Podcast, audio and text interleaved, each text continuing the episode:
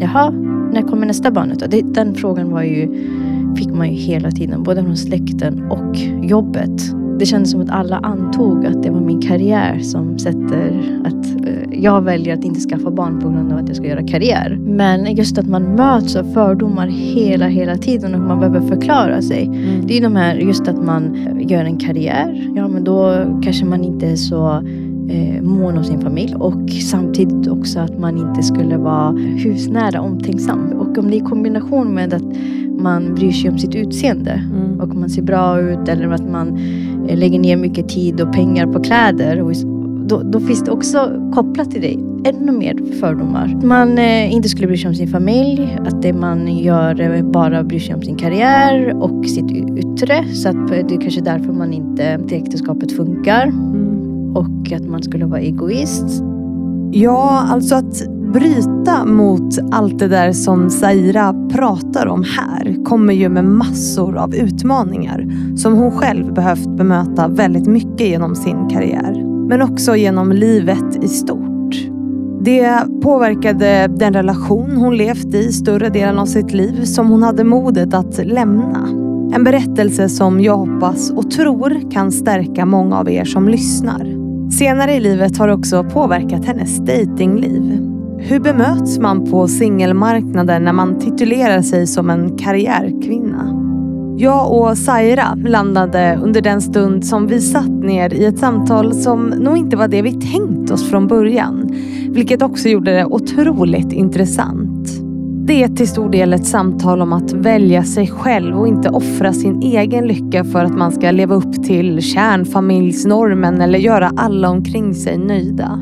Det handlar om att komma till insikten om att när vi väljer oss själva så kommer de vi vill göra lyckliga i förlängningen också att bli det.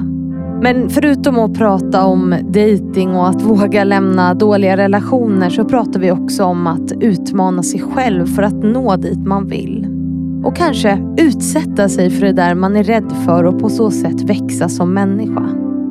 Och innan vi drar igång avsnittet så vill jag tacka min fantastiska sponsor Excitec. Men nu kära lyssnare, precis som vanligt. Rätta till lurarna och dra upp volymen. För här kommer en timme med Zaira Aladdin.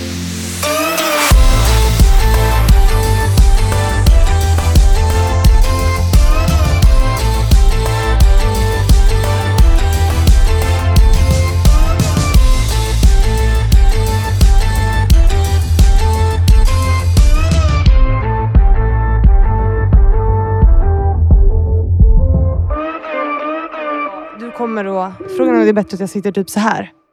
Tror jag. För din ögonkontakt. Okej, ja. Eller vad tror du? ja men det blir bra. Det blir bra. Eh, för nu tar den upp ditt ljud i alla fall och även mitt. Det är intressant för man har olika frekvenser på rösterna. Ja, så är det ju. Och jag, jag har en frekvens som fångas upp väldigt bra av mikrofoner tydligen. Perfekt. Radiopratarröst. Jag har valt Mm. rätt yrke Ja, förstår du. verkligen. Ja. Jag har ganska barnslig röst. Så Har du barnslig jag har röst? en ganska barnslig röst. När jag hör, lyssnar på mig själv så blir jag, tänker jag, vem, vem tror, eller vem ska lyssna på mig? Ja. Tycker du att det är jobbigt alltså, att, att lyssna på dig själv? Ja, i början tyckte jag det var jättejobbigt. Ja. Så att eh, jag gick aldrig tillbaka. Jag var ju med i eh, TV4s Nyhetsmorgon. Ja. Och jag, eh, det tog tid för mig att kolla på det klippet. Och varje gång jag satte på så tänkte jag oj nej nej nej usch vad hemskt. Och sen så tänkte jag Det där är en vanesak. Alltså, jag har ju min egen röst hela tiden och ser mig själv på videos och sånt. Så jag typ så här, och också separerat mig själv ifrån hela den grejen på något sätt. För det, men det blir väl så. Ja. Men nu jag. har, jag, nu har jag vant mig. Och min första poddinspelning och även min första filminspelning som någon gjorde, min gamla högskola gjorde reklam. Jag hade så svårt att godkänna och, och, acceptera att det är okej att släppa. Ja, men då fick du sitta och godkänna de där videorna, Ja. videosarna. Mm. Mm. Länge. Ja, alltså det tog tid för mig att lyssna igenom och säga, är jag redo? Så tänker jag att nu får jag bara acceptera som det är. Ja. Är du, är det liksom... Är du perfektionist? Eller är du... Nej, jag är nog inte perfektionist. Nej. Nej. Bara, bara svårt att se dig själv på video. Ja, jag har, eh, jag som många andra har ju lidit av det här med att ha dålig självkänsla, självförtroende, att både stå på scen och eh, höra sig själv. Det är Mm. någonting jag har jobbat med väldigt mycket och idag tycker jag inte att det är jobbigt, vilket är jätteskönt. Men det har varit en resa. Mm. Vad har du gjort för att landa där då? Jag har eh, mentalt jobbat med det. Eh, jag minns ju att en eh, kollega till mig eh, som eh, på min första arbetsplats sa att eh, jag minns när du var nyanställd och vågade knappt prata på fikarasten. Och nu står Oj. du inför hundra personer och pratar. Vilken resa du har gjort. Mm. Ja, så det, jag har ju mentalt velat komma någonstans. Jag har liksom haft en ambition och då Mm. tänkte jag, vad, vilka är hindren? Mm. Vad är det som jag kan inte eh, nå? Mm. Och då har jag jobbat med de frågorna Mm. och Vad- ansträngt mig. Vad var visionen då? Men eh, det har ju varit del, alltså delvision. Det har ju Mm. aldrig varit att jag ska nå dit direkt. Nej. Utan varje gång jag har startat någonting så har jag haft någon typ av förebild som jag såg upp mot och sen tänker jag dit vill jag gå och sen har man nått dit. Mm. Och sen tar man nästa, sen tar man nästa. Mm. Så har det varit för min del. Kan du ge något konkret exempel? Ja, men det var ju när jag eh, blev chef första gången. Mm. Eh, Den eh, kom ju lite, det var ingenting jag hade strävat efter. Min första linjens chef. Jag fick frågan och då blev jag nervös. Tänkte jag, oj, är jag en chefstyp? Mm. Och eh, vågade knappt hålla faktiskt mitt första gruppmöte om jag ska vara ärlig. Eh, men efter att ha jobbat fem år som gruppchef så ville jag ju bli högre chef. Och eh, då tänkte jag, men jag som är så nervös att stå på scen, då har man ju runt 150 till 200 personer i sin organisation. Kommer jag våga? Mm. Och då har jag ansträngt mig, bett andra att kan jag få stå på scen fastän det har varit jättejobbigt så har jag så det är ju klart, övning ger färdighet. Så att jag Mm. har utsatt mig för det. Mm. Bara för att jag vill vänja mig vid det. För att jag vill ha en sån roll. Vad, vad var det du var nervös för inför det här första gruppmötet när du blev gruppchef? Att jag inte ska bli eh, förtroendet tror jag. Att eh, folk inte ska ta mig på allvar. Eller om jag säger något fel. Mm. Idag känns det jättelöjligt. Men eh, ja, jag hade mina osäkerheter. Mm. Att, eh, att säger jag inte något rätt så kommer ju folk säkert eh, eh, inte ha förtroende. Det, Mm. det är nog det. Att jag Mm. inte ska få den respekten som jag förtjänar. Mm. Hur, jag hanterade bort du, mig. hur hanterade du det då? För att våga ha det där gruppmötet liksom, och vara gruppchef? Mitt första gruppmöte gjorde jag i två delar. Mm. Eh, För jag, delade hade, upp gruppen alltså? ja, ja. jag hade utspridda medarbetare i Sverige. Jag var ju eh, på konsultföretaget Sweco. Mm. Och jag, hade, jag blev gruppchef över en ganska liten grupp. Vi var kanske sex personer. Jag byggde ju upp den gruppen sen. Mm. Så att vi blev 20 personer. Men eh, just där och då så vi var vi typ sex till åtta personer tror jag. Och Mm. även då, även det kändes jobbigt. Ja. Men vi var utspridda typ i Västerås, Malmö och eh, några städer. Så att eh, Mm. jag hade fyra i en grupp och fyra i den andra typ. Ja. Men och, och då gick det bra? Då blev det mer Ja, som ett var- helt vanligt möte? Ja, liksom. då var det ett vanligt möte. Mm. Så, så att eh, jag hade ju hult i projektmöten med många. Men det är just där med att jag är deras chef. mm. De ska ha förtroende för mig. Jag måste se något vettigt. Jag måste se något smart. Jag Mm. måste eh, vara smartare än dem. Mm. Det, den här känslan Ja. Eh, som gör en nervös. Men måste man verkligen vara smartare än bara Nej, absolut inte. Det var, det, det var din uppfattning Det var då? min uppfattning då. Ja. Det var ju så, och det är, jag tror att det är många chefer, unga chefer som tror det. Mm. Att så fort man är chef så ska man kunna mer och man ska kunna... Men jag tror att den uppfattningen har även medarbetarna i sin grupp, för de testar ju. Mm. Alla medarbetare testar så fort det blir ny chef och blir det en chef i, inom gruppen, helt plötsligt tror man att den chefen har alla svar på frågor, Mm. tyvärr. Mm. Så att det finns lite osagda för, förväntningar Mm. på, på både sig själv och på andra medarbetare. Mm. Mm. Ja, och en riktigt bra chef är väl en sån som vågar erkänna att man inte har svaret på alla frågor, Så är det tänker ju. jag. Så är det ju. Och att Men, vara sårbar så. ja, men är man en osäker chef, Mm. då är det ju svårt. Mm. Så att, eh, Ja. Och, och det där har du utmanat dig själv ja, ja, gud ja. Mycket. För du är ju chef över 200 personer idag va? Idag eh, har jag runt 140 medarbetare i min organisation på Mm. Ellevio. Mm. Jag hade på Vattenfall runt 330. Mm. Så du har, du, har gått, eh, du har gått din väg. Jag tänker att vi ska gå tillbaks eh, till en sak du sa innan, men innan vi gör det eh, så tänker jag att vi har spelat in i åtta minuter och fortfarande inte sagt vem du är. Ja. Eh, och det är så här ofta blir i, i Fannys förebilder för att man, jag stampar upp på något och så liksom hamnar vi någon annanstans. Men, men varmt välkommen hit Zaira Aladdin. Säger man Aladdin eller Aladdin? Aladdin. Aladdin, så Zaira Aladdin. Zaira. Zaira, Ja. du ser till och med. Men för Zaira, Zaira Aladdin. Jag sa Mm. fel på alla helt enkelt. Det är helt okej. Ja men det är inte helt lätt alltså. Det är inte alls lätt. Eh, för jag tycker Sa- Zaira, varför säger man så? Det kanske är jättedumt. Nej, men när, där jag är upp, född och uppvuxen i lilla Trollhättan Ja. så sa alla så. Zaira eller Mm. Sara, de som inte or- or- klarade av. Men numera så säger de flesta rätt. Så Ja. att, eh, men det är, det är inte lätt. Jag, jag tycker själv att det är svårt med namn. Ja, jo, jo men, men det är viktigt att fråga och det är också viktigt tänker jag att, att rätta så att det blir rätt. Absolut. Så Zaira Aladdin. Ja. Ja, som filmen Aladdin. ja, Och jag tänkte, vill hon att man säger Aladdin som filmen eller Aladdin? Det är ju jätte... det spelar ingen roll. men det är ett väldigt fint namn. Eh, tackar. Jag har ju ursprung från Indien, men Ja. det är egentligen inget indiskt namn. Nej. Zaira är ett indiskt-pakistanskt namn. Mm. Aladdin var... Eh, min, min pappa är född eh, uppvuxen i Uganda i Afrika, Mm. flera generationer tillbaka. Och, men de var ju från Indien. Mm. Och det var någon farfars far som hette Aladdin i förnamn och sen eh, därifrån så gick det som efternamn vidare. Ja. Men, men du är född och uppvuxen i, i Trollhättan då? Ja. Eh, dina föräldrar kom hit från Indien, eller är de också, eller hur? Min pappa kom från Uganda Mm. eh, i slutet av 60-talet, början av 70. Eh, när eh, diktatorn Idi Amin slängde ut alla indier från eh, Afrika. Då. Mm. Och eh, då var han eh, en tonåring, fick, eh, hamnade i Österrikes Röda Korsets läger. Mm. Ett år var de där, så hela min pappas släkt var ju där och fick välja länder.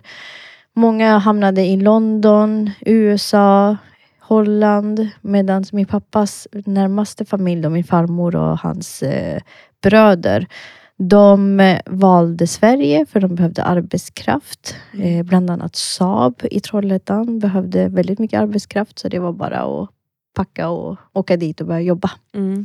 i fabriken där. Ja. Så att eh, min släkt har jobbat på Saab. De har Även jag jobbat har gjort det. Du har också gjort det, men, men, men då som någon typ av alltså mer kontorstjänst? va? Nej, jag har jobbat som elektriker där. Ja, du ser. Ja, för du har en sån intressant eh, resa som liksom har sommarjobbat som elektriker på lite olika företag. Mm. Eller hur? Ja.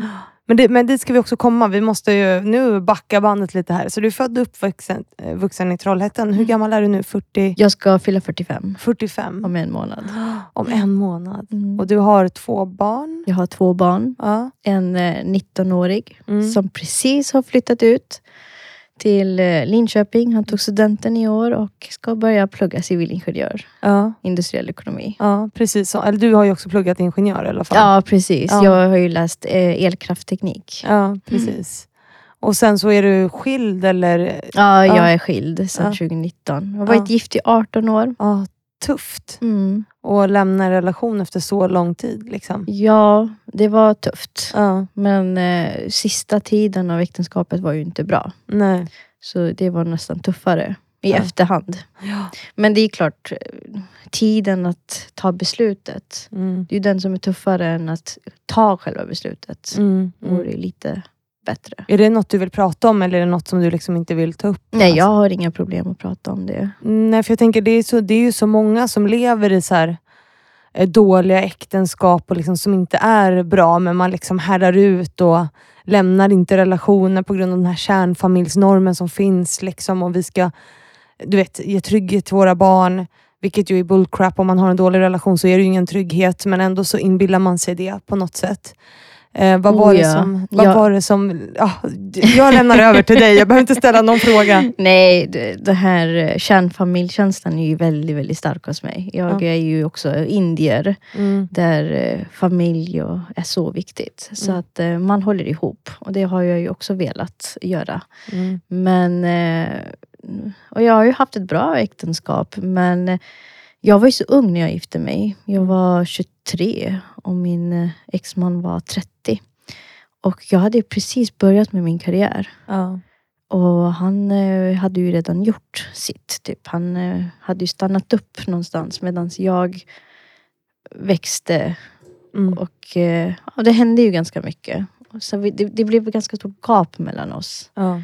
Så att eh, vi gick inte ihop helt enkelt. Du var som en människa när ni började er relation. Jag kan tänka mig att utifrån vad du beskriver själv, eh, att du kanske var lite mer osäker, kanske lite försiktigare person, eller? Det var jag ju. Jag var ju väldigt rebellisk och bestämd så som person. Det har jag alltid varit. Jag har alltid varit som, sån som frågasatt. Mm. Frågasatt kultur och religion. Jag är uppvuxen i en väldigt eh, starka kulturella och religiösa värderingar. Mm. Man, ska, och man har också en sån indisk församling där alla pratar om varandra. Mm. Medan jag frigjorde mig från det. Mm. Eh, frågasatte att varför ska man ha det så? Varför får man inte klä sig på ett visst sätt? Varför må- måste man äta på ett visst sätt för att bli accepterad? Så att det har varit så mycket normer som man måste följa och jag har, jag har tidigt, redan som tonåring, frågasatt och gått min egen väg. Mm. Och varit lite rebellisk. Så det har ju funnits i mig hela tiden. Ja. Så jag gjorde ju den här resan på vem är jag? Vem vill jag vara? Är jag svensk? Är jag indier? Mm. Är jag eh,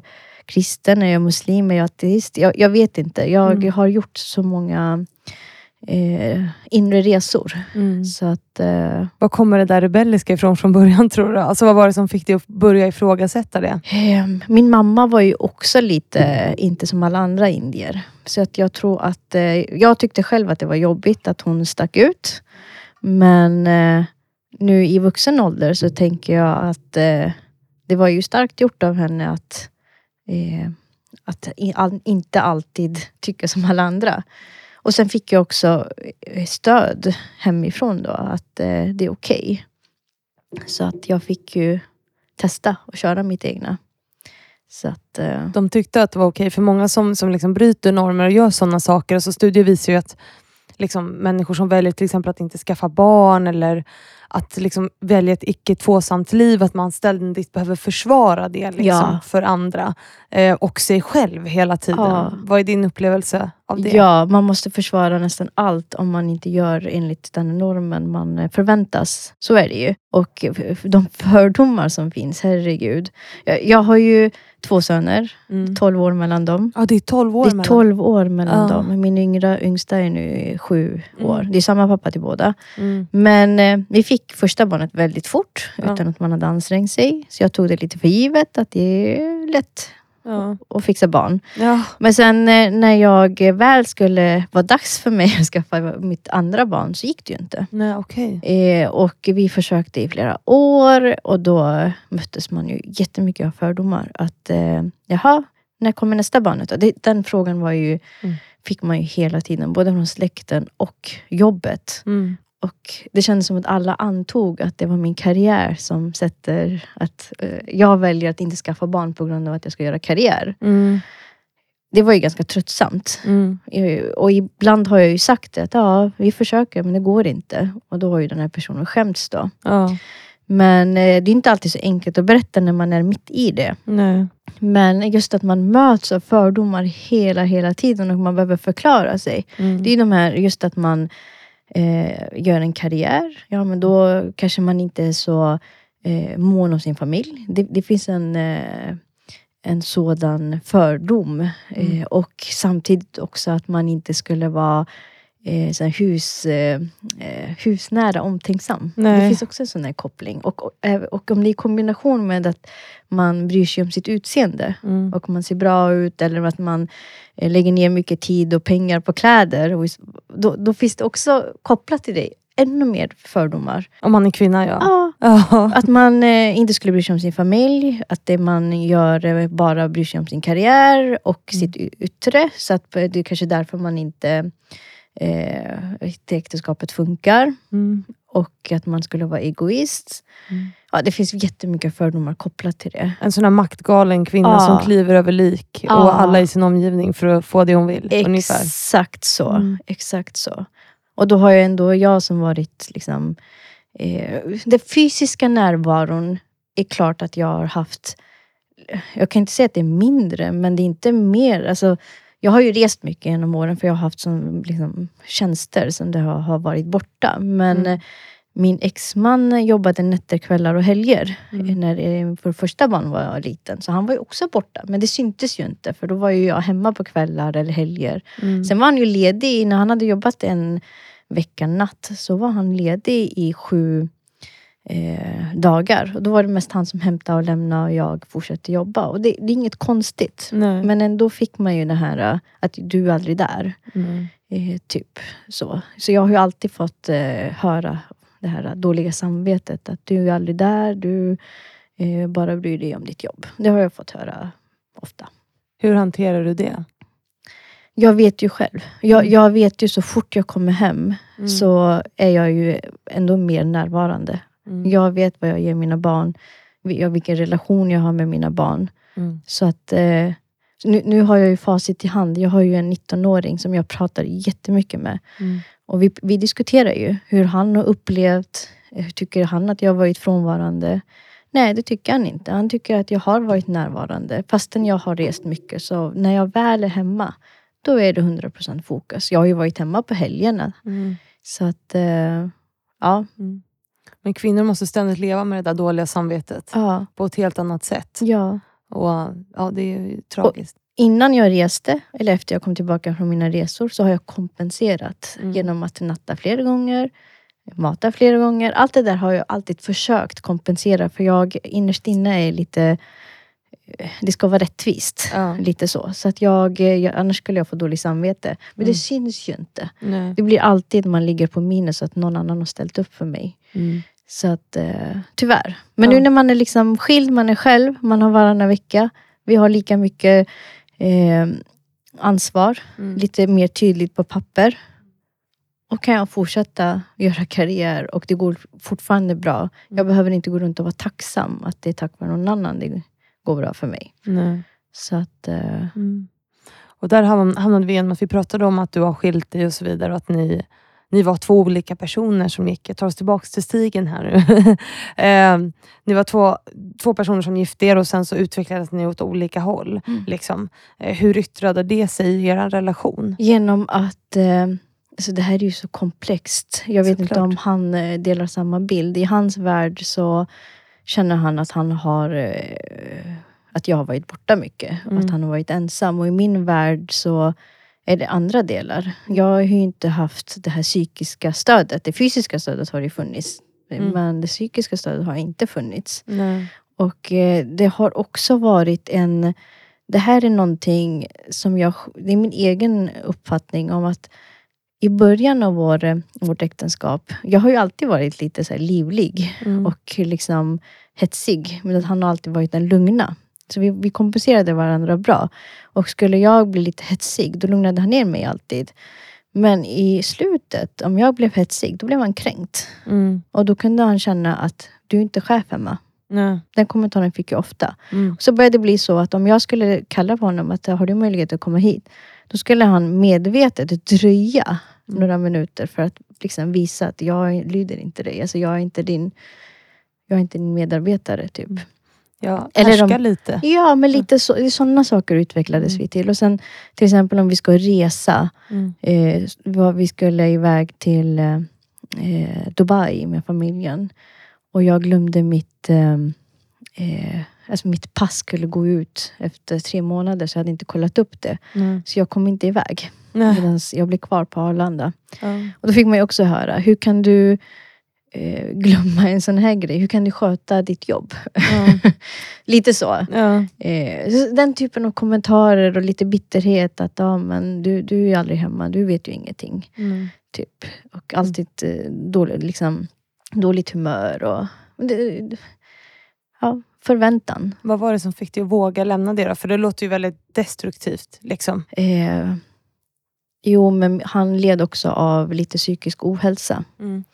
Och eh, det hände ett par destruktiva saker som gjorde att eh, jag kände att det känns inte tryggt. Det här är inte, han är inte en bra förebild för mina barn. Mm. Eh, och jag kan inte eh, leva så här.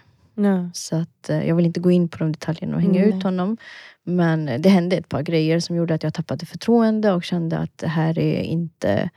Jag hade nog inte lämnat honom Nej. eh, om inte detta hade hänt. För att jag kände så stort ansvar. Jag kände eh, att eh, min stora son gick i nian då och tänkte att han är tonåring, han kommer hamna i fel eh, ja, händer, typ Mm. fel sällskap.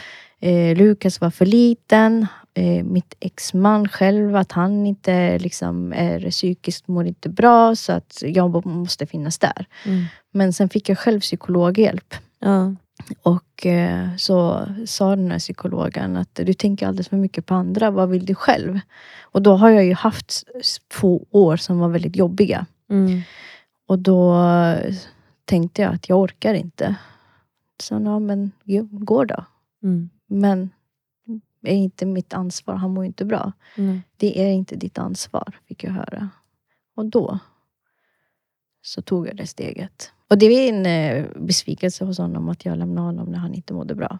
Så att, eh, Men det är ju otroligt starkt, tänker jag, att göra det. ja, det är ju det. Mm. Det, det är ju så med tanke på att eh, för mig var det så viktigt att hålla ihop den här kärnfamiljen så kände jag en stor skuld också. Mm. Så att, sen har jag alltid önskat att han ska börja må liksom bättre och att vi ska kunna hitta tillbaka till varandra. Och jag har ju ändå, för vi funkar jättebra som vänner och vi samarbetar väldigt, väldigt bra. Och eh, då tror jag ju att, eh, att allting är bra. Mm. Men eh, sen när man försöker så märker man att det framkallar någonting hos Mm. honom när vi är tillsammans. Och det, jag vet inte vad det är, men osäkerhet eller vad det nu det kan vara.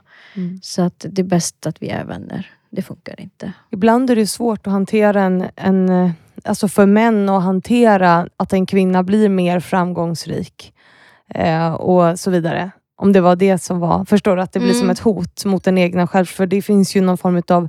Det finns ju en norm där liksom det är mannen som ska vara framgångsrik och försörja och kvinnan ska vara det svagare könet och då blir det på något sätt en maktobalans som Ja, blir svår att hantera. Den, den finns där eh, osagd. Jag Mm. tror skulle man prata om det, då skulle ju liksom han blåneka att så är det inte Mm. alls och jag bryr mig inte. Mm.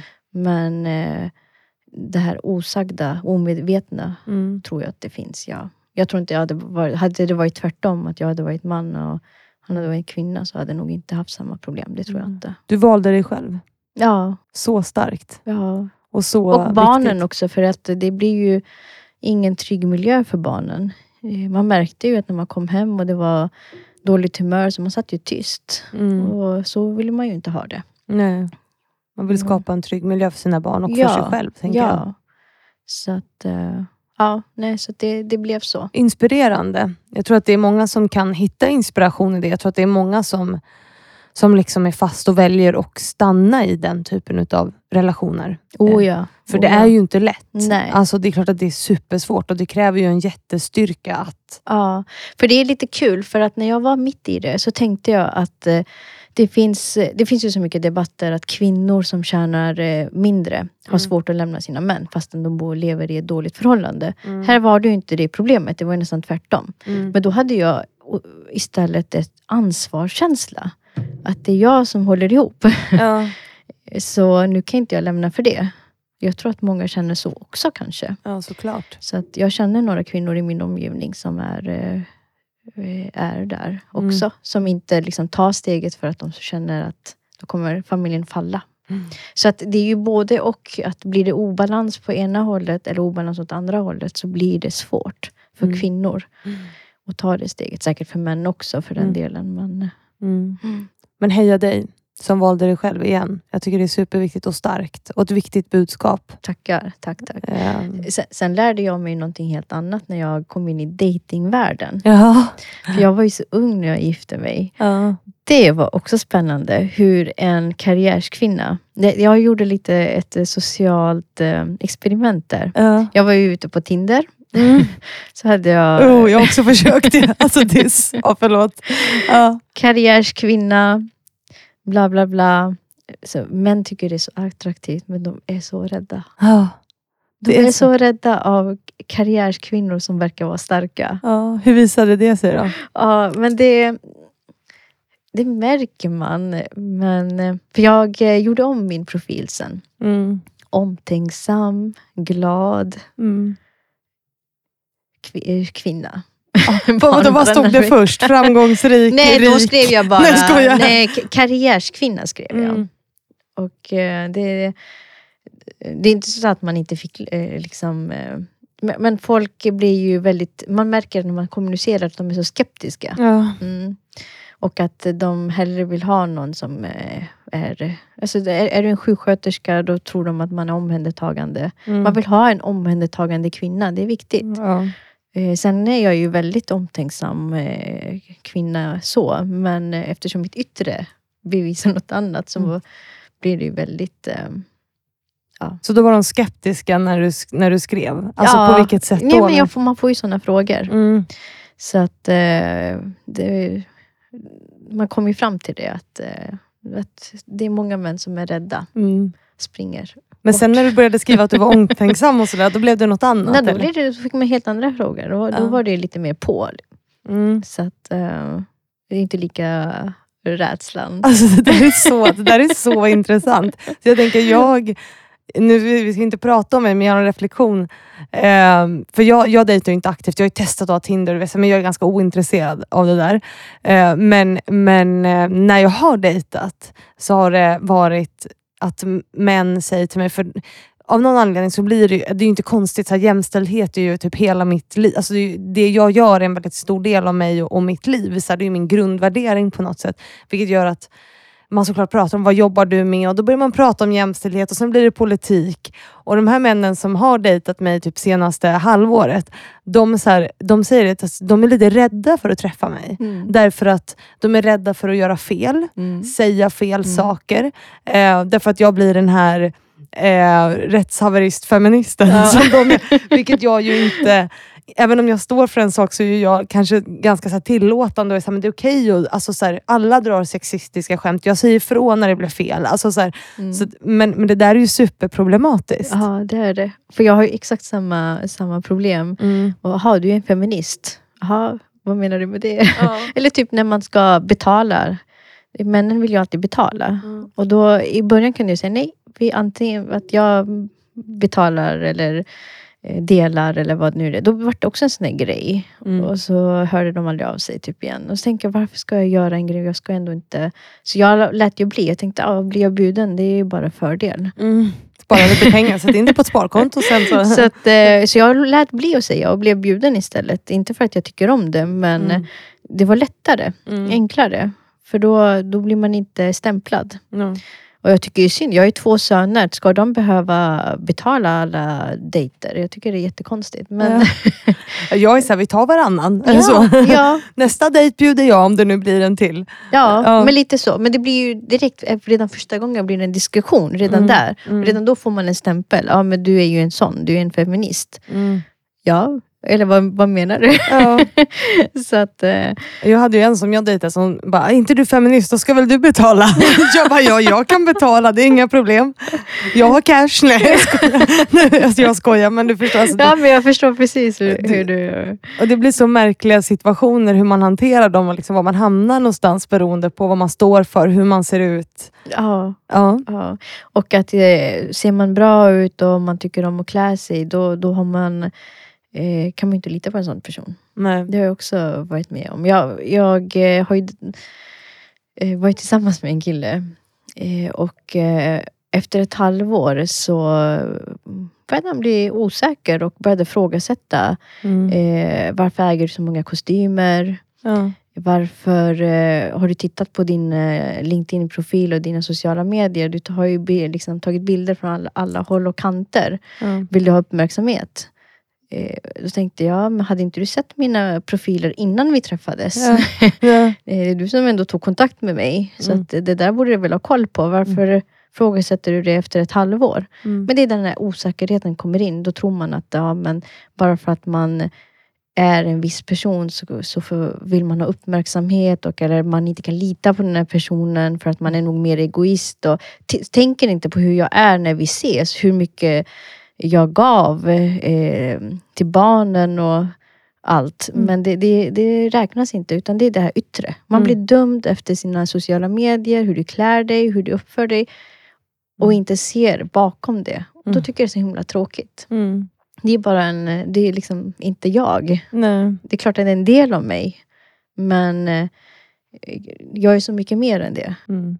Att, Vi kommer eh, alltid bli dömda eh, och framförallt vi kvinnor utifrån vad vi har på oss, Mm. vad vi gör och så vidare. mm. Eh, och du har ju ett till epitet som är att du inte är vit, liksom. eh, vilket gör det ju ännu svårare, tänker jag. Ja, det tror jag att eh, Mm. Eh, allt är ju en faktor som Ja. man lägger på. Mm. Så att det blir ytterligare ett faktor som man behöver bevisa sig fram. Så du är snygg, du är välklädd, du är framgångsrik och du, har, du är från Indien. Det är liksom så alla, ja jag vet inte, det, ja, och allt har ju en fördel och en nackdel på något sätt. Är man ful så har det en nackdel och är man snygg så har det andra. Så är det. Det Så är är Jätteintressanta perspektiv. det. Och det här som också är så intressant med Fannys förebilder. Att, att vi nu har pratat om din skilsmässa och liksom ditt dejtingliv. Men det finns ju ett jämställdhetsperspektiv på allt. Ja, gud ja. Eh, så det är superintressant. Men om vi ska gå tillbaka till stigen då, till Saira och din karriär. på, på något sätt eh, så eh, är du inom elbranschen, du är på Ellevio nu. Men från Trollhättan och hamnade i Stockholm på vilket sätt? Jo, eh, jag... Eh, Trollhättan är en elkraftstad. Mm. Första vattenkraftstationen i världen byggdes i Trollhättan. Oh, wow. Mm, Ja. början av 1900-talet och det Mm. var faktiskt Vattenfall som var Mm. med, var med och byggde den. Så att eh, Vattenfall är stora Mm. och eh, elkraft är stort där. Mm. Så att när jag gick i skolan där så hade man ju väldigt mycket initiativ i grundskolan. Vi fick, jag fick gå en sån här teknikkurs när jag gick i åttan. Ja. Man fick 50 kronor per dag. Det var ju pengarna som lockade såklart. Jag kommer från en arbetarfamilj. Ja. Så att jag, behöv, jag ville köpa färglinser. Ja. Gröna eller blåa ögon. man vill ju inte ha bruna ögon, man ville ha ljust hår. Så jag ja, ja. färgade och... Ja, Ah, och det har som så 15. fint svart hår som aldrig glänser. ja, förlåt. Ja men det är du vet, tonåring. Då Mm. vill man bli som alla andra. Man Mm. vill inte vara det som man själv har. Men i alla fall så ville jag ha de här linser för att jag inte ska ha de här bruna ögonen. Och eh, då såg jag eh, i anslagstavlan att eh, gå teknikkurs och få 50 kronor per dag. 10 Mm. dagar. Så 500 kronor skulle jag få då. Mm. Så jag hoppade på det direkt. Och ehm, ja, man skulle bygga förlängningssladdar, bygga skåp och man fick lite introduktion av det här med vad, vad är teknik då? Mm. Även om det var väldigt eh, eh, hantverkardelar så men man fick också titta på fordonsprogrammet. Fordonsindustrin är också stort, det här med Mm. Saab och Volvo. Så att jag blev ändå lite ins- eh, intresserad, även om det var pengarna som lockade. Mm. Så att jag gick ju natur i gymnasiet och även där när det var individuella kurser så valde jag typ digital teknik. Mm. Min son eh, Eh, kompis läser ju digital teknik och skickade en massa bilder. Det här ser så tråkigt ut. Då Ja. sa jag att ja, men det var mitt favoritämne. så att, eh, ja, men eh, jag var ensam tjej som läste det. Men jag, jag tänkte inte så mycket. Jag eh, har ju aldrig haft, eh, eftersom vi var invandrare på eh, 70-talet så, och i en liten stad så var jag väldigt eh, jag var utfryst i skolan, Mm. så jag hade inte riktigt, riktigt vänner. Nej. Hade, jag tror att det är det som skapat mig. För att hade jag haft en massa vänner, då hade jag gjort allt som mina vänner hade gjort. Mm. Men jag hade inga vänner och därför valde jag mina egna grejer. För att jag skulle ändå sitta själv. Så om jag kommer dit och alla är killar så gör det ingenting för att jag var van vid det. Mm. Eh, till och med lite skö- skönare. För de bryr sig inte, medan tjejerna kan ändå sitta och skvallra och prata bakom ryggen på en. Ja. Så, att, eh, så det gjorde inget, så jag valde mina egna delar och eh, efter gymnasiet så eh, blev jag ju också, vi fick ju så mycket information kring den här högskolan i Trollhättan då, som hade elektroingenjörsutbildning, inriktning elkraft och samtidigt så kunde man jobba. Mm. Och då visste inte jag hur stort det här med elektrifieringen och allting kommer bli i framtiden. Nej. Men eh, det som lockade mig där då, det var att man, jag kunde jobba emellan. Mm. Man läste två läsperioder, jobba två och så vidare. Mm. Så att jag, eh, min första period eh, när jag kom ut där så jobbade jag som elektriker på Saab Ja. i fem månader. Sommarjobb va? Sommarjobb, Ja. cyklade runt. Och eh, andra året så jobbade jag som eh, montör, eh, underhållsmontör på Vattenfall Ja. Service då. Där vi åkte runt i olika transformatorstationer. Mm. Eh, det var sommaren 98. Mm. Så det var ju en grund som jag fick, som jag har fortfarande med mig, som Mm. är väldigt kul faktiskt. Eh, Så att, och det, det som är... Och efter examen så flyttade jag till Västerås Mm. för att börja jobba på ABB där. För jag hade två val efter examen. Att antingen börja jobba på Vattenfall i Trollhättan, vilket jag hade drömt om egentligen. Ja. Men det är också en sån här grej. Eh, Det här kallades för något som eh, Coop-praktik. Heter det. det heter fortfarande så. Och jag ville egentligen jobba på Vattenfall, men jag fick inte det jobbet. Sen fick jag sommarjobb året efter och den här chefen sa till mig så här. Jag ville anställa dig, men jag vågade inte för att jag inte skulle bli anklagad för att jag anställt en snygg tjej. Jaha, och det här var ju på 90, 98. Det är Mm. klart att man... Det var en helt annan tid. Ja. Så man Men det händer fortfarande inte. idag kan jag säga. Men, ja. Ja, Mm. men det är ingenting jag skulle få höra idag. Ja. Men så det fick jag höra. Eh, Okej, sa jag. Och eh, jag var på intervju hos eh, Trollhättans Energi. Och där eh, var han ju... Man, jag såg att du har den här boken här. Man, eh, läcker det man tänker. Jaha, Ja, okej den står här. Det är inte jag, jag som har köpt den. Nej. Det är nog Katinka gissar jag på. jag har den boken också. Ja, det, jag tycker den är, den är, det är så bra. Att Ja. Du läcker vad du tänker. Ja. Så att den här personen var ju jätteskeptisk. Jaha, varför har du sökt jobb här? Typ rynka Mm. på pannan. Och, men du har ju långa naglar. Hur kan du sätta fingrarna i skit? Typ. Ja. Eh, ja. Men i alla fall, så, så det var ju väldigt mycket eh, liksom, tveksamheter kring att jag skulle få de jobben. Men jag fick jobb på Saab i alla fall. Och eh, sen så, så, så... Det här fanns ju redan då. Ja. Eh, Att man eh, inte litade riktigt på en person som ser ut på ett visst sätt. Då. Mm. Eh, och på den tiden så fanns det kalendrar överallt och ibland kunde man hitta en porrtidning i toaletten. Vad trevligt.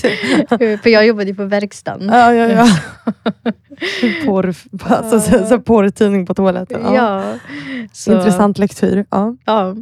Så det var en helt annan tid. Men efter eh, ja, Vattenfall var mycket mer städat, måste jag Ja. säga, även om det var på 90-talet. Ja. Eh, Men där var det en annan, där fanns ju inga kvinnor som montör, så det var nästan mer tystnadskultur. Det var Mm. ingen som sa något. Jag har aldrig varit med om att någon har sagt något eh, kränkande. Nej. Men det var tyst, för man visste inte vad man skulle prata. Nej. Utan, eh, jag var själv väldigt blyg och Mm. osäker, så jag sa inte så mycket. Och de kände att vad, är det, vad kan man prata med henne? Ja. Och då var man tyst. Man åkte ändå bil hela dagarna och sa ingenting. Nej. Så att, Det gick eh, inte att prata om fotboll eller? nej, nej, det hade jag nog inte förstått. nej. Ja. Så att, eh, ja, så det var annat. Jag vet inte, det, det är inget elakt, alltså det är inget kränkande, men att vara tyst är ju inte heller det bästa. nej, det blir ju också väldigt exkluderande. på Det är väldigt sätt. exkluderande, ja. Mm. Så att, eh, ja, men i alla fall, efter examen så flyttade jag till Västerås för att Mm. jag fick jobb på ABB där. Då, så jag hade jag val att jobba på Vattenfall. Sen fick Mm. jag ett jobb på Vattenfall, men jag valde att flytta till, eh, till Västerås för Mm. att jobba med ett internationellt jobb. Så mitt första jobb var i Sri Lanka Mm. Där vi byggde stationer. Så jag började jobba som ställverkskonstruktör. Så jag eh, ritade stora ställverk. Mm. Om du nu vet vad det är. Nej. nej, det är något som, som elen står på eller på att säga. Men, Men du, du har väl sett kraftledningar? Ja, precis, Du, ja. Mm, de går ju alltid ner till en station. Ja, ja, de är ganska ståtliga, stora och snygga. Så håll utkik. Ja, så, så sånt. eh, Sådana började jag projektera och konstruera. Ja. Så att, eh, ja, men det, det var mitt eh, eh, första jobb då. Och det som har varit eh, unikt med mig det är att jag har ett extremt intresse för kläder. Mm. Och, eh, och jag är också väldigt eh, fäst vid den indiska kulturen Mm. och Bollywood. ja, okej. Jag är uppvuxen med det, jag älskar dans, jag älskar eh, den indiska klädseln och det ja, man visar mycket mage och man dansar mycket. Och, Ja. ja. Så att eh, även i den indiska kulturen så blir man ifrågasatt när man går med sådana kläder eh, som eh, filmindustrin visade och jag var sån som alltid eh, vågade för jag tyckte kläder var så intressant så jag gjorde allt för att bli ifrågasatt så får de göra det. Mm. Vill de prata så får de göra det. Och det var ju samma sak när jag började jobba på ABB. Så kunde jag ju få kommentarerna att eh, jaha, ska du på fest? Mm. Bara, nej. Nej. Eller eh, fryser du inte? Ja. Bara, nej. Men idag är det ju väldigt vanligt. De flesta klär sig väldigt eh, snyggt och kvinnligt. Men det var inte vanligt när jag började min karriär. Nej. Så att eh, då kunde jag, då, då möttes jag väldigt mycket av fördomar. Mm. Eh, Så är det ju. Det alltid en extra hinder för mig. Men det har varit så otroligt starkt intresse från min sida så att jag verkligen inte har brytt mig. Nej. Utan bara kört. Mm. Så att eh, Och Vilket är brutit bra. normer. brutit normen ja. Ja.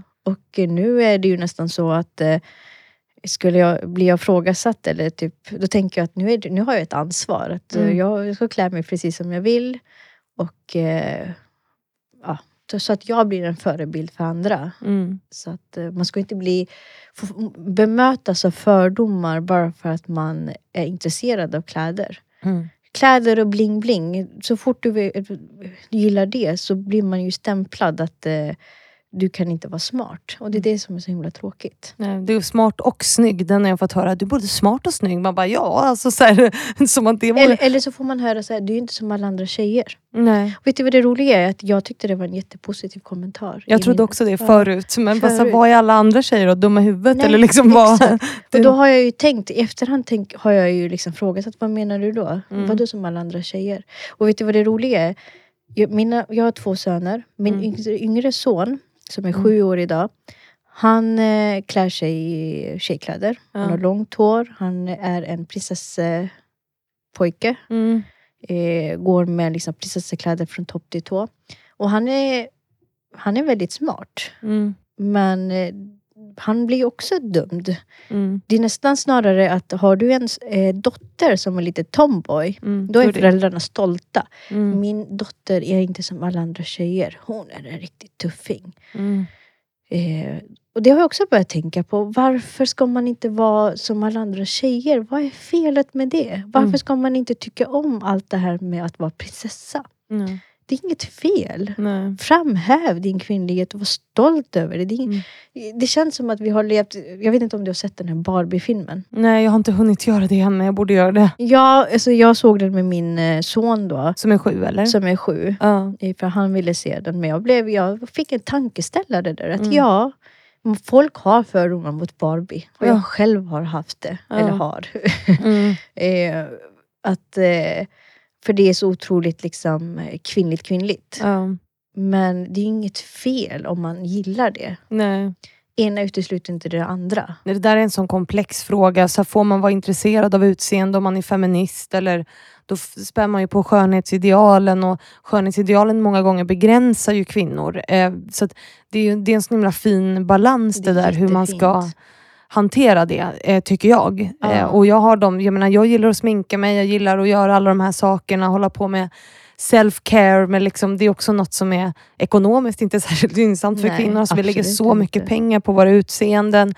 Eh, och det är ju, alltså den här kvinnliga, av att vara snygg, är ju, begränsar ju otroligt många. Alltså till exempel att vara tjock och vara kvinna är ju att vara ful. Alltså jag tycker inte det, men du förstår. Nej. Så, att, Mm. så att det är ju en jättekomplex fråga. Men Ja, i grund och absolut. botten så handlar det väl om att man ska kunna vara sig själv. Alltså att jag ska kunna göra det som jag tycker är kvinnligt. Eh, och en pojke ska kunna göra det han vill. Han ska kunna gå i prinsessklänningar. Alltså, det är väl det som är grund och botten, tänker jag. Ja, utan att bli dömd. Mm. Utan man ska kunna få vara precis den man är utan Mm. att det Eh, och det är det jag eh, märker nu i samhället. Hur det här kvinnliga dras till det negativa. När, man, när jag hör föräldrar säga att ah, men min dotter, hon är inte som alla andra tjejer. Hon Mm. är riktigt tuffing, hon är en tomboy. Medan jag ah, min, min son är, är precis som alla andra tjejer. Mm. Och det är inget fel att tycka Mm. om bling-bling. Man kan vara smart för det. Och mm, även om man inte är smart, man är människa. Mm.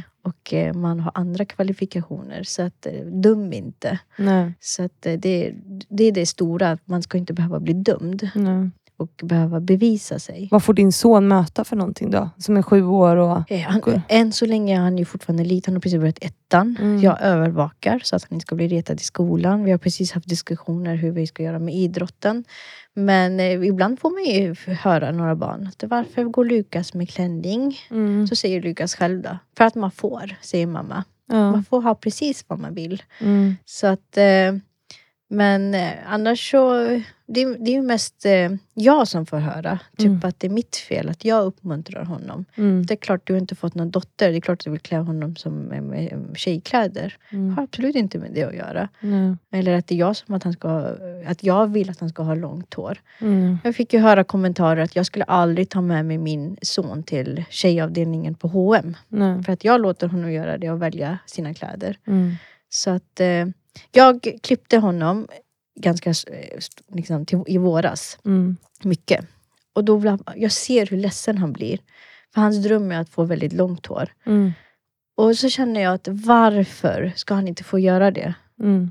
Alltså varför? Mm. Så jag själv går, har ju gjort mina resor genom att liksom först eh, säga nej men sen gå med på det. Mm. Och så tänker jag att han är bara ett barn, låt honom vara det han är. Mm. Och, och så får man ju också höra kommentarer, ja, ja men han kommer växa ifrån det. Ja, eller inte, Mm. brukar jag säga. För att gör han inte det så får jag ta det steget då. Ja. Så att eh, det, det, det kommer att bli spännande att följa. Jag, jag vet ingenting just nu. Nej. Men, men det är han själv som väljer och det är hans eh, önskan. Mm. Det är inte min. Nej. Så att, eh, jag klädde honom som pojke ända tills han blev själv medveten. Typ tre fyra år, det var då det började komma. Mm. Så att eh, jag låter bara honom vara Mm. den han vill vara. Och nu pratar vi lite om så här hur könsroller eh, begränsar barn och vuxna och, och dig, ditt, ditt utseende och hur du klär dig, hur det har begränsat, eller begränsat dig, men hur du har, för du har inte låtit det begränsa dig, Nej, men du har nej. mött Jag har blivit bemött, eh, ja. på dumma sätt på grund av det. Eh, och då tänker jag att en följdfråga blir, som jag tänker att min sponsor Exactec också är nyfikna på, hur du eh, tänker att vi kan prata om det på ett annat sätt. Vad tror du liksom vi behöver göra? Har det, du lösningen? nej, men det handlar om att ha, vara fördomsfri. Nu, nu är det så att, att ha fördomar är inget fel. Nej. För att fördomar är ett eh, paketerad erfarenhet. Mm. Eh, är du helt fördomslös, då, då har du ingen erfarenhet heller. Nej. Så att det är klart, om du har aldrig mött, i, i, typ i min bransch, energibranschen, när jag åkte upp till Luleå och projekterade de här stora 400 kV ställverken. Jag, när jag kom dit så kunde jag ju bli bemött av projektörer att jaha, kan du det där? Typ. Mm. lyssnade knappt och tills jag pratade mest hur de kunde för, liksom, bygga om deras station. Ja. Och så blir de jätteförvånade att jag kan sådant. Så då har ju de breddat sitt perspektiv. Mm. Jag har ju lärt dem att bredda sitt perspektiv, att det finns andra. Och Mm. nu nästa gång de kommer bemöta någon annan, eller möta någon annan kvinna, så har ju de lärt det. Så det ha- handlar hela tiden om att ha ett öppet sinne. Mm. Att man har något man eh, är van vid, men att det finns också variation. Ja. För jag har, varit, jag har ju rest mycket ut, utomlands. Eh, Hel, hela mitt yrkesliv har jag gjort stora projekt utomlands. Och eh, jag eh, var i Indien och besiktade transformatorer i en fabrik. Och när jag kom tillbaka så fick jag frågan av svenskar. Oj, det måste ha varit tufft Mm. som kvinna. Men nej, det var det inte. För Mm. jag bemöttes av respekt. Så fort du skakade hand så möttes jag av respekt. Mm. Och varför? Jo, för Indien är ett land med stora variationer. Mm. Du har haft en eh, indisk eh, eh, ledare, premiärminister har varit liksom en kvinna. Det har vi aldrig haft i Sverige. Nej. Jo, att- det har vi. Ja, en kort stund. en då. kort stund. Ja, väldigt kort. Mm. men, men just att man har de kontrasterna. Sen Ja. är ju såklart Indien går ju inte ens att mäta med Sverige när det gäller jämställdhet. Men just att eh, de är vana vid kontraster. Mm. så då, då frågasätter man inte. Sen är ju de har ett hierarkiskt liksom lagd så att de frågasätter inte om du har, redan har en position. Men jag reste med en annan kvinna som var indisk, som var yngre, en projektledare. Mm. Och hon bemöttes också av respekt. Så att jag pratar inte bara om, mig själv som kom från eh, Sverige då. Utan eh, eh, jag tror att eh, kontrasten och att man lär sig ha ett bredare perspektiv gör att man eh, kan bemöta på ett sätt att det finns ingenting som förvånar en. Nej. Som när jag började på Vattenfall till exempel. Eh, då var jag eh, drift och eh, underhållschef Mm. och eh, satt i liksom ledningen där då. Eh, då. Folk som inte känner mig, de kunde ju fråga, vad, jaha, är du ny här? Har, jobbar du, vad, vad jobbar du med? Ja, drift och underhåll. Mm. Vad har som projektledare? Eh, nej, jag är eh, enhetschef för enheten. Jaha. Ja. Och sen så liksom så här, rynka med pannan. Eh, liksom, typ, Mm. oj. Eh, det är en förvåning. Mm. Och eh, jag har ju tänkt på det. Varför blir du så förvånad? Mm. Men det är klart att i, Sen har man fått höra, ja, men du verkar inte vara som en, en vanlig driftchef. Nej, Nej, men det finns driftchefer som kan se ut så. det finns versioner av allt. Det finns visioner av allt. Och att det- man behöver bli medveten om att man har fördomar. Alltså det är ju, Exakt. men det där är ju inget som folk vill förknippa sig med. Alltså man går inte runt och bara, åh jag är så jävla fördomsfull. Alltså det är inget man skryter om, för att fördomar är ju ett ord som har en negativ klang. Negativ, precis. Men egentligen så är fördomar bara liksom hjärnans automatiserade process att hantera Exakt. intryck. För annars skulle vi aldrig komma på något nytt liksom, någonsin. Nej. Men eh, ja, och vi måste börja avrunda. Oj! Du skrattar. Och alla reagerar likadant. Och jag med när jag tittade på klockan nu och ser att det har gått eh, 55 minuter redan eh, av inspelning. Så att jag avrundar mitt i en, en, en väldigt bra, liksom, på något sätt, avrundning tycker jag av det här avsnittet. Som blev något helt annat än vad jag tror både du och jag hade. samma här. Det var Men det har varit en så himla trevlig stund och ett så, tycker jag, intressant och givande samtal som jag tror kan inspirera väldigt många. Faktiskt. Ja, jag hoppas det. Eh, ja, men, jo, men, och det är det här jag tycker är så kul, när jag mejlar mina gäster. Bara kom hit med typ det här mindsetet och så bara hamnar man någonstans. Jag älskar det. Eh, och bara sitta ner och prata. Eh, så att om du inte känner att vi har missat någonting nu. Eh, Eh, Det är bara att vi har pratat mindre om karriär Ja. utan om allt annat. Men det är ju... det gör ingenting. Vi har pratat om dig eh, Mm. och jag tänker att vi har pratat om dig i en, en plats i livet där du är just nu. Mm. Och att jämställdhet handlar ju om så mycket mer än att bara göra, alltså att kvinnor ska göra karriär, utan att kvinnor också ska kunna välja sina egna liv. Absolut. Vilket jag tycker att vi idag har pratat om. Mm. Att du har valt ditt eget liv eh, och inte låtit liksom de här normerna för vad kvinnor ska vara begränsa dig, vilket jag tycker är superfint.